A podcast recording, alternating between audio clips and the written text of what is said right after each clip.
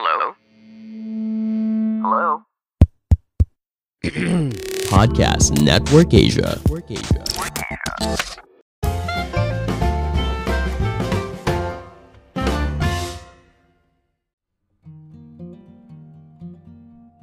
Halo semuanya, kembali lagi bersama saya Madianto. Kali ini kita akan membahas tentang cara meninggalkan gaya hidup konsumtif. Di era globalisasi saat ini, keadaan sering mengharuskan kita untuk dapat beradaptasi dalam mengikuti perkembangan zaman. Dari tahun ke tahun, berkembangnya teknologi yang semakin canggih dan cukup pesat ini menuntut kita untuk meningkatkan daya beli. Memiliki daya beli memang merupakan hal yang patut untuk disyukuri.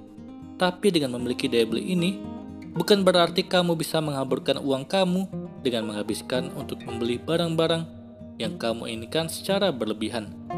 Bersifat konsumtif akan menyebabkan pemborosan yang nantinya akan merugikan diri kita di masa depan.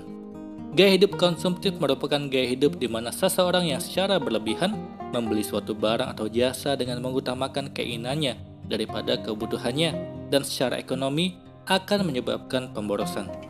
Lalu apa sih ciri gaya hidup konsumtif? Ciri-ciri gaya hidup konsumtif adalah seseorang secara terus-menerus selalu berusaha untuk mengikuti tren. Keinginan mengikuti tren ini bisa disebabkan dari dua faktor, yaitu faktor internal yang di mana kamu selalu mempunyai rasa tidak pernah puas dengan apa yang kamu miliki sekarang, sehingga kamu merasa harus selalu membeli barang baru yang sedang tren saat itu. Kemudian faktor kedua yaitu faktor eksternal, ketika orang-orang di sekitar memiliki suatu barang keluaran terbaru.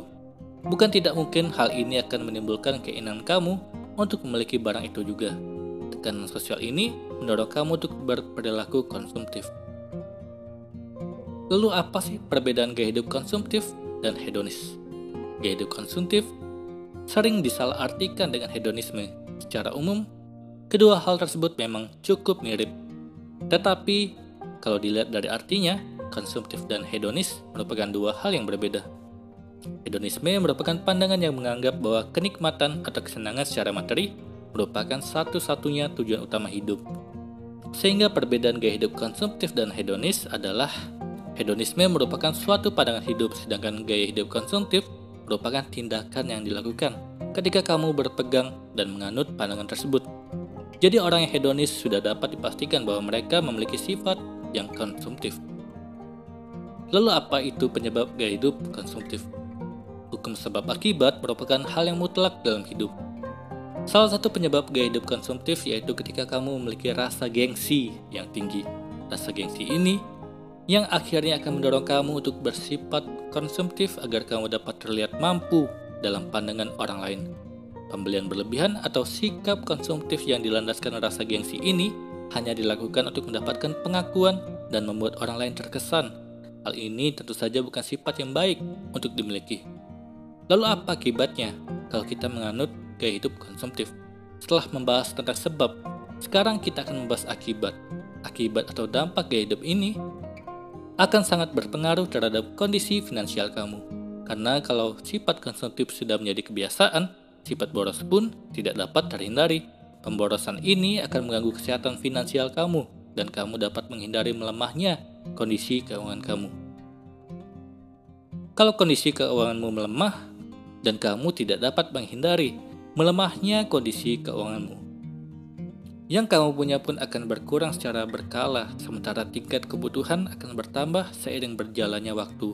Maka bijaklah sebisa mungkin untuk berhati-hati dan menghindari sifat konsumtif ini. Adapun cara menghindarinya, yaitu yang pertama, buat anggaran pengeluaran bulanan dengan menentukan prioritas kebutuhan. Jadikan anggaran ini sebagai patokan agar kamu tidak berbelanja berlebihan pada hal-hal yang tidak penting. Kedua, alokasikan uangmu pada produk asuransi dan juga investasi. Asuransi dan investasi merupakan tabungan yang dapat bermanfaat bagi kamu di masa depan. Dan dengan memiliki asuransi, kamu akan mendapatkan proteksi dari resiko yang dapat sewaktu-waktu menimpa dirimu.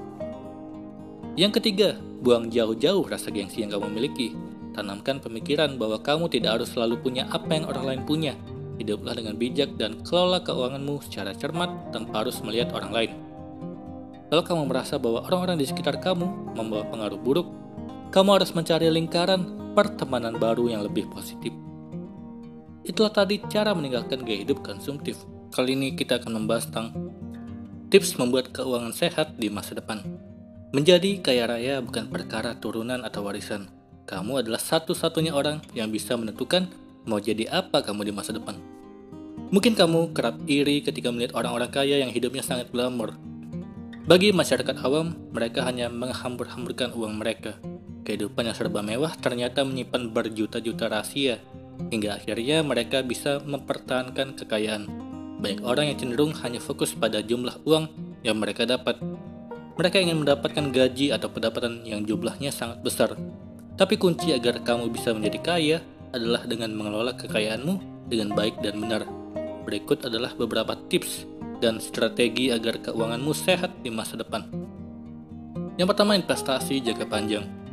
Banyak orang yang mengeluh karena uang yang sudah mereka investasikan tak tumbuh menjadi jumlah yang sangat banyak. Sebelumnya kamu harus tahu, uang yang kamu investasikan bisa beranak pinak kalau jangka waktunya sangat lama, lebih dari 10 tahun. Dengan jangka waktu yang panjang, pergerakan dan pertumbuhan harta yang kamu investasikan akan terlihat.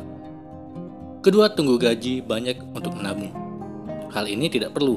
Kalau kamu punya kemauan yang kuat untuk menabung dan peduli dengan keuanganmu di masa depan, kamu bisa menabung meski gajimu kecil sekalipun. Menabung bukan perkara jumlah uang yang kamu simpan, tapi jangka waktu dan juga konsistensinya yang paling penting.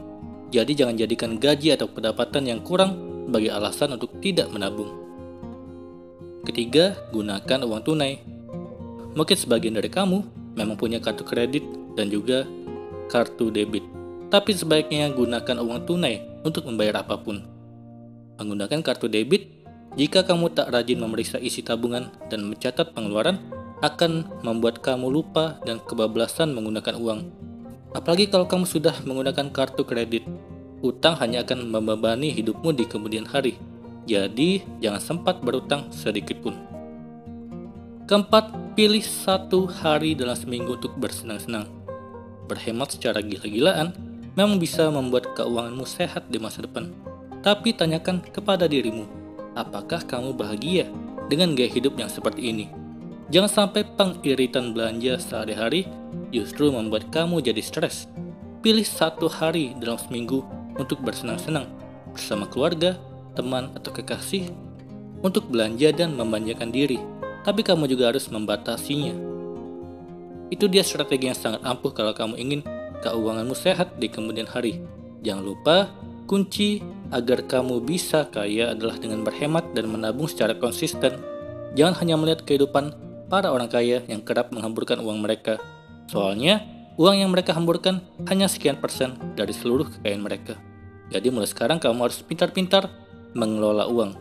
Semoga ini bermanfaat. Sekian dan terima kasih. Pandangan dan opini yang disampaikan oleh kreator podcast, host, dan tamu tidak mencerminkan kebijakan resmi dan bagian dari podcast Network Asia. Setiap konten yang disampaikan mereka di dalam podcast adalah opini mereka sendiri dan tidak bermaksud untuk merugikan agama, grup etnik, perkumpulan, organisasi, perusahaan, perorangan, atau siapa pun dan apa pun.